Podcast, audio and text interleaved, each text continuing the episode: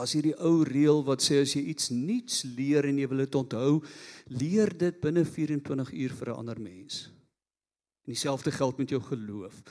Wanneer jy God se teenwoordigheid ervaar en jy begin praat daaroor, gebeur daar iets.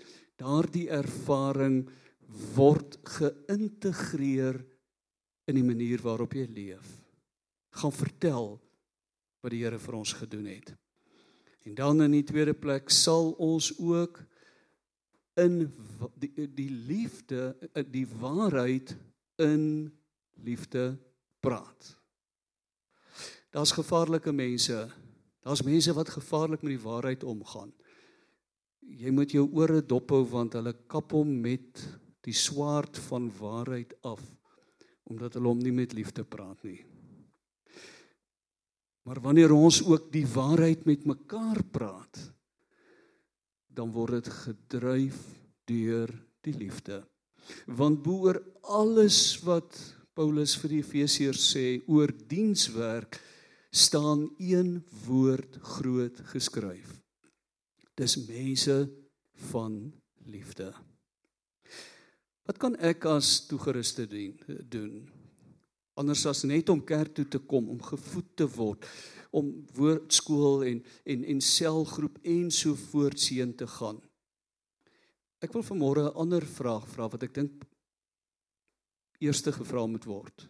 Nie wat kan ek nou gaan doen nie, maar wat is ek?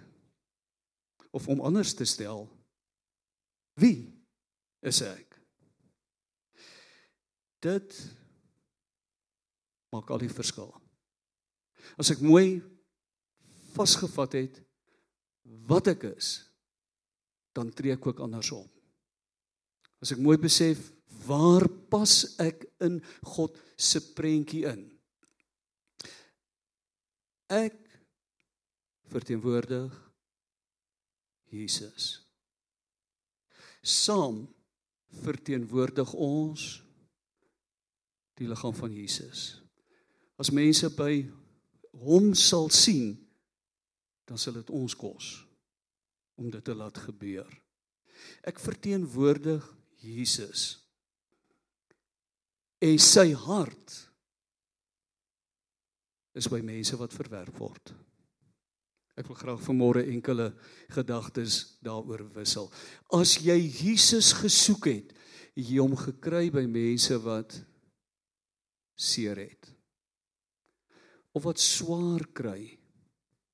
Mense met wie dit nie goed gegaan het nie. Mense wat uit die samelewing geskuif is. Dis die klag van die kerk van sy dag teen Jesus. Jy kuier saam met prostituie. Jy kuier saam met tollenaars. Nou kyk SARS het dan nou ook 'n pak slag gekry die laaste paar weke. Die tollenaars is maar nog steeds op die voorblaaie van die koerante. Liefde se hande word benodig by die volksvreemdelinge die samaritane wat dink hulle is Israel maar daar is geen verband tussen hulle en ons God nie. Die verstotenis dis waar liefde se hande nodig is. Dis waar dit 'n verskil kan maak. Die volksvyande. En dis waar jy Jesus gekry het. En dis waar jy sy kerk ook vandag gaan kry indien hulle effektief sy hand en sy stem sal wees. En daarom praat ek vanmôre met ek vermoed net 'n deel van die liggaam van Christus. Ek sou wens dat dit die hele liggaam is, maar ek dink ons moet ook realisties wees en sê daar's 'n deel van die liggaam van Christus wie se harte warm klop vir sulke mense. Wat nie by mense verbygaan wat disfunksioneel geraak het. wat stukkend langs die pad bly lê nie. Onthou die verhaaltjie wat Rinus verlede week na verwys het van die kerk in die vorm van die leviet en die priester wat aan die ander kant van die pad gaan stap. Maar dis die ou van wie jy dit nie verwag nie.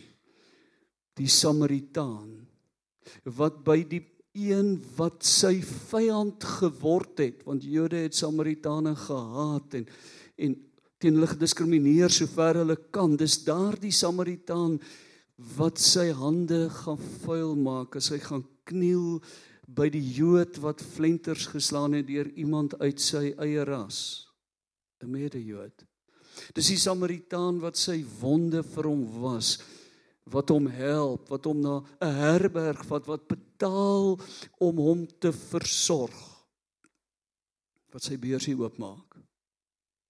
Ek praat met mense wie se harte klop om ander te help al is hulle teleurgestel.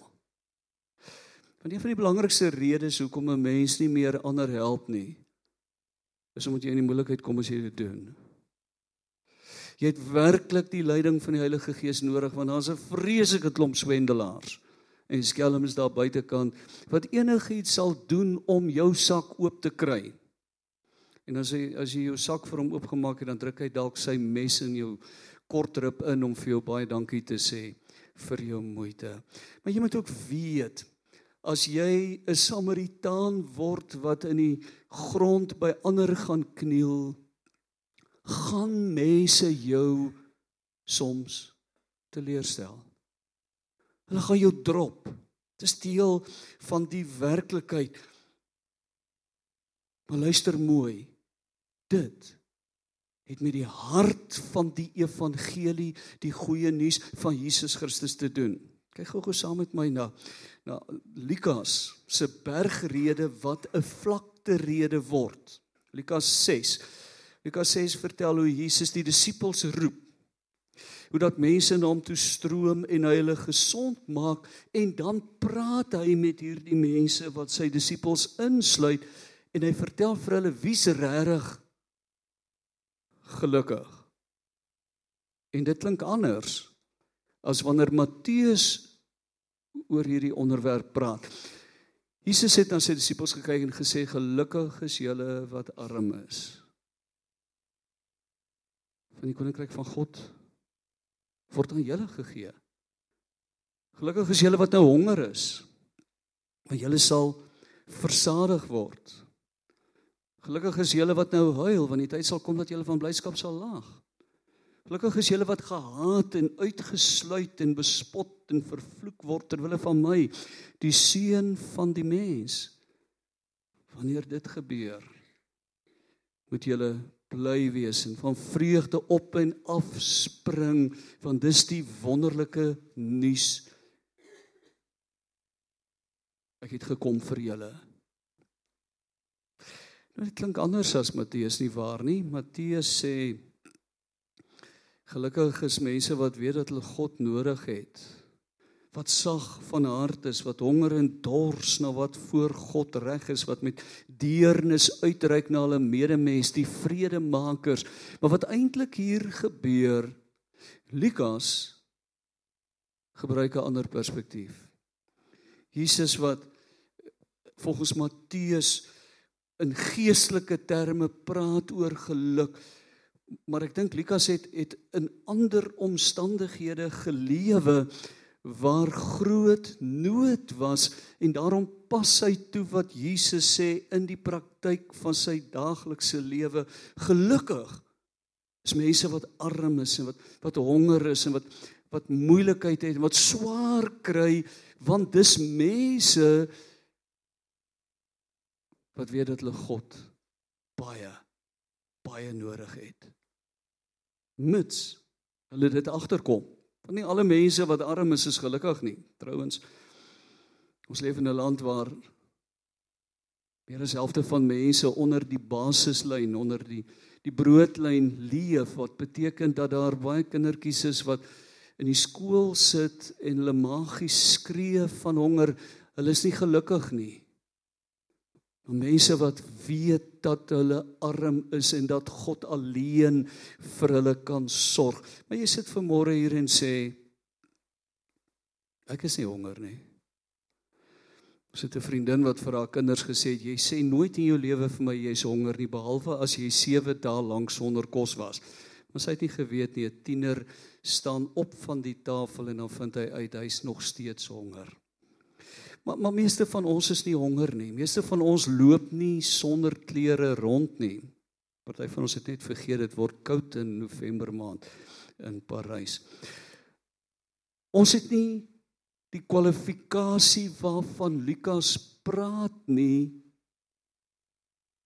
maar ons het die hart vir sulke mense ons word die hande van liefde wat voorsien vir sulke mense en nou het ek nou nog gesê hier's 'n enorme hoeveelheid mense in hierdie land wat nie werk het nie Dis 'n enorme hoeveelheid mense wat honger is. Wat kan ek daaraan doen? Daar's plastiek in die oseane. Watter bydrae kan ek lewer ek alleen? Ek kan ophou om plastiek strooitjies te gebruik wat lyk my die groot sondebok is. Ek kan een ander mens wat my pad kruis seën deur 'n halwe brood en 'n liter melk te gee en daardie mense dag maak. Ja, maar daai mense gaan môre weer honger wees. Dis waar. Maar die liefde van die Here werk op 'n 1 tot 1 persoon en een dag op 'n slag basis.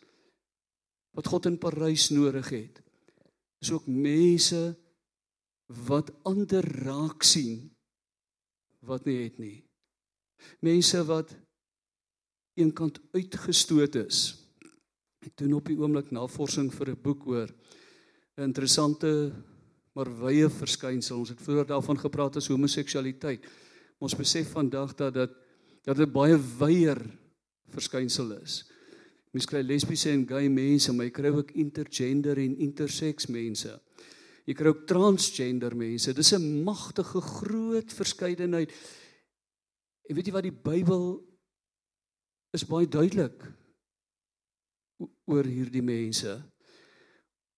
Die die twee tekste in die Ou Testament en dalk is daar 4, maar dalk is daar net 3 tekste in die Nuwe Testament wat verwys na hierdie situasie. Sê onomwonde om deel te neem aan sulke gedrag is sondig. daarmee het ek nie 'n probleem nie. Maar ek vra watter gesindheid het ek as 'n Christen teenoor 'n mens wat 'n ander seksuele oriëntasie as ek het. Watter woorde gebruik ek om na hierdie mense te verwys? Is dit ook daardie woorde wat verneder? As ek die geleentheid kry om met hierdie mense te doen kry, duins ek van nature terug omdat hierdie mens anders as ek is.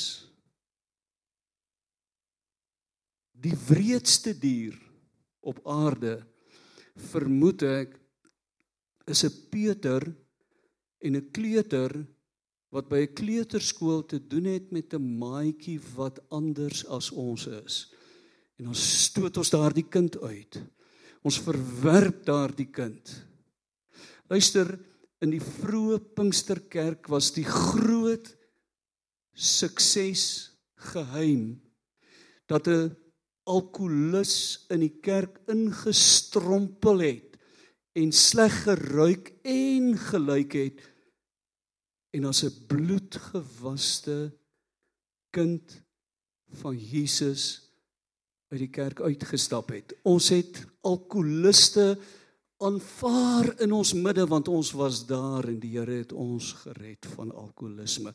Die egbreker het ingestap en uitgestap as 'n mens wat sy lewe of haar lewe gaan regmaak het. Wat is my en jou gesindheid as ons met sondaars te doen het? En kom ons onthou wat Martin Luther vir ons geleer het. Ek is en bly te gelyk sondaar en bloedgewaste kind van God te gelyk. Daarom het ek 'n hart vir 'n mens wat 'n sondaar is. Ek verwerp jou nie oor wat jy doen nie. Ek verwerp dalk wat jy doen, maar ek aanvaar jou want ek sien in jou die potensiaal van 'n mens wat deur God nuut gemaak word. Ek praat vanmôre met mense wat geroep is om die hart van Jesus ook teenoor die lesbiese en gay mense te gaan demonstreer wat sê die Here het jou so lief dat hy aan jou gedink het toe hy aan die kruis gehang het. In Europa praat hulle van die Turke. Enigiemand wat nie 'n Wes-Europeër is nie, word 'n Turk genoem en daar's 'n deeglike stuk diskriminasie teen Turke.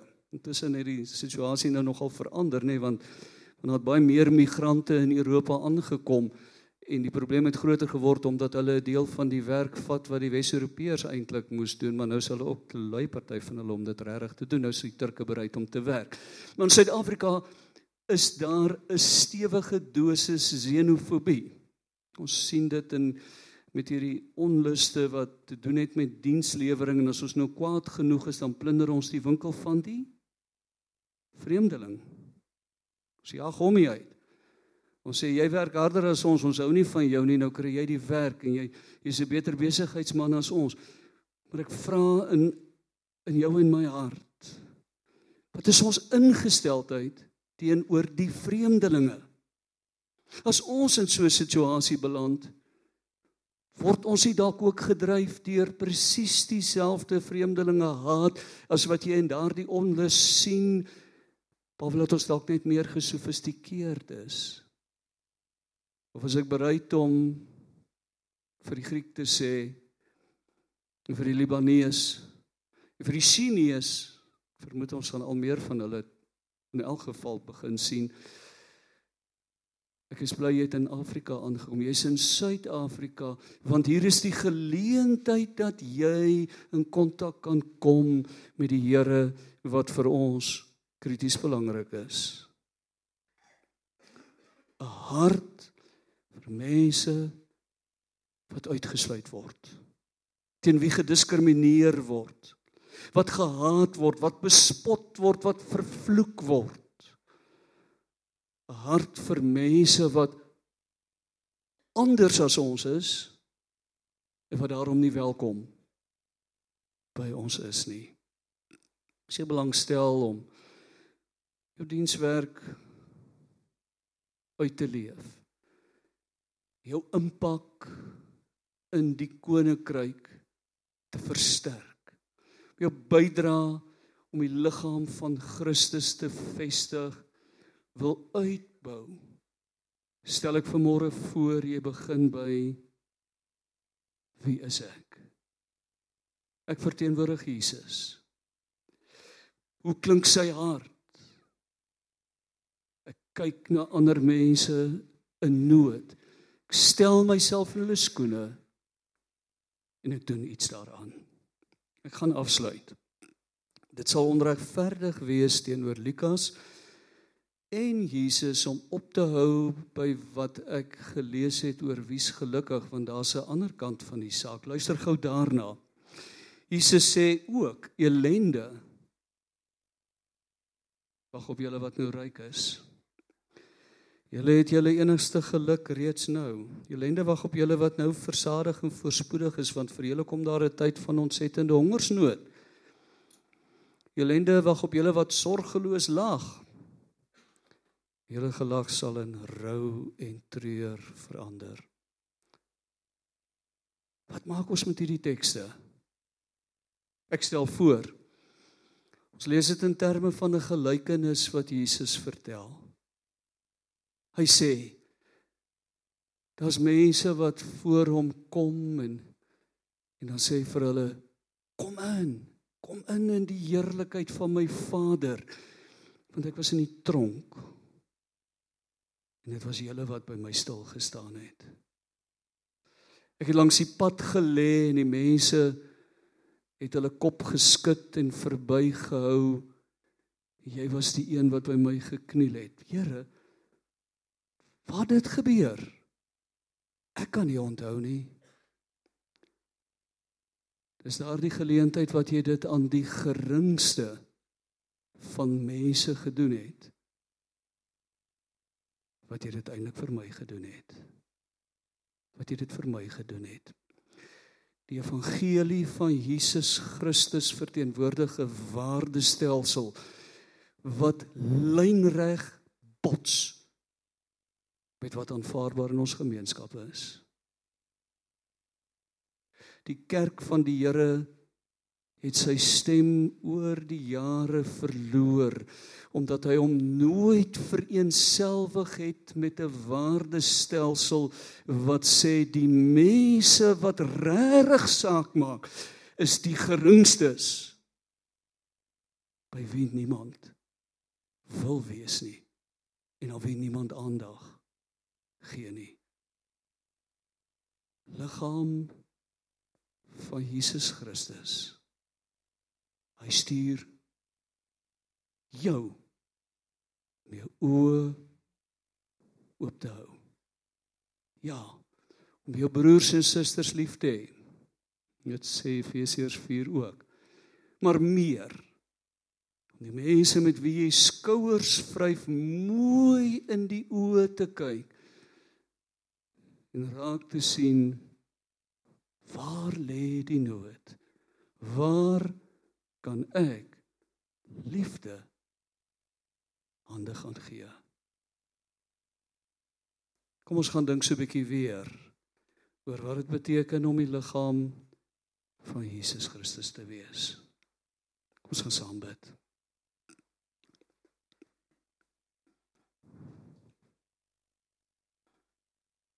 Elkeen van ons leef in, in 'n unieke wêreld.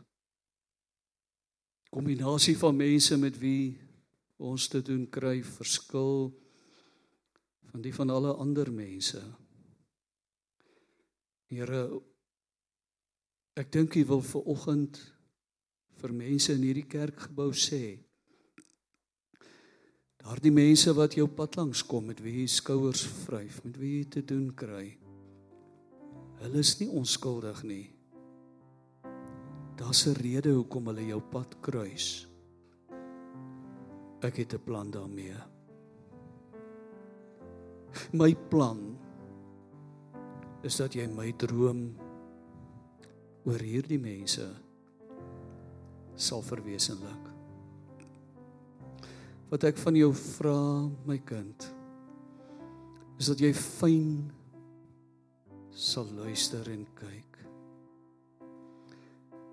Dat jy mense sal begin sien soos ek hulle sien. Party sal by jou verbyhou. Maar as ander waarby jy sal gaan stil staan. Wat iets van jou gaan vra. Partykeer gaan dit kos dat jy regtig in die grond in die stof sal moet kniel jou hande en jou knieë moet vuil maak. Party gaan dit tyd kos, geduld. Want mense met wie jy te doen kry, gaan jou geduld beproef. Hulle gaan jou teleurstel. Jy gaan party dan moedeloos word. Lus wees om hulle te skop en te sê man raak weg. Here dat dat ons vanmôre elkeen in ons individuele omstandighede sal hoor wat U sê wat dit beteken om liggaam te wees om Jesus te verteenwoordig om hier rond te loop nie as mense wat in ons eie naam leef nie maar wat namens U leef. Om rus U kinders vir hierdie groot taak toe nie in die eerste plek om te gaan doen nie maar om te word te word wat u bedoel het. Toe u van ons u liggaam op aarde gemaak het. Bid dit tot eer van u naam. Amen